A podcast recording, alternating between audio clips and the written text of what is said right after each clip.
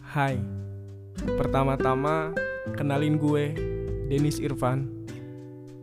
Yap, kalau kalian lagi denger podcast ini, selamat datang. Di sinilah gue berkeluh kesah dari semua keresahan, curhat, cerita-cerita, berbagi tawa, tangis, ngakak, dan sedih bersama.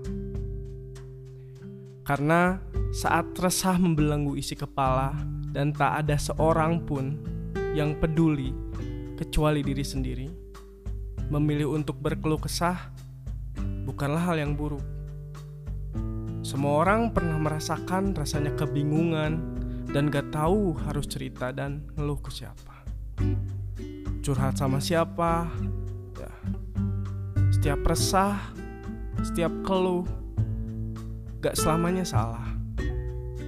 Karena ada kalanya kita lelah dari pedihnya patah, memilukannya berharap, lelahnya berjuang, penatnya apa-apa yang buat air mata tak mampu terbendung lagi.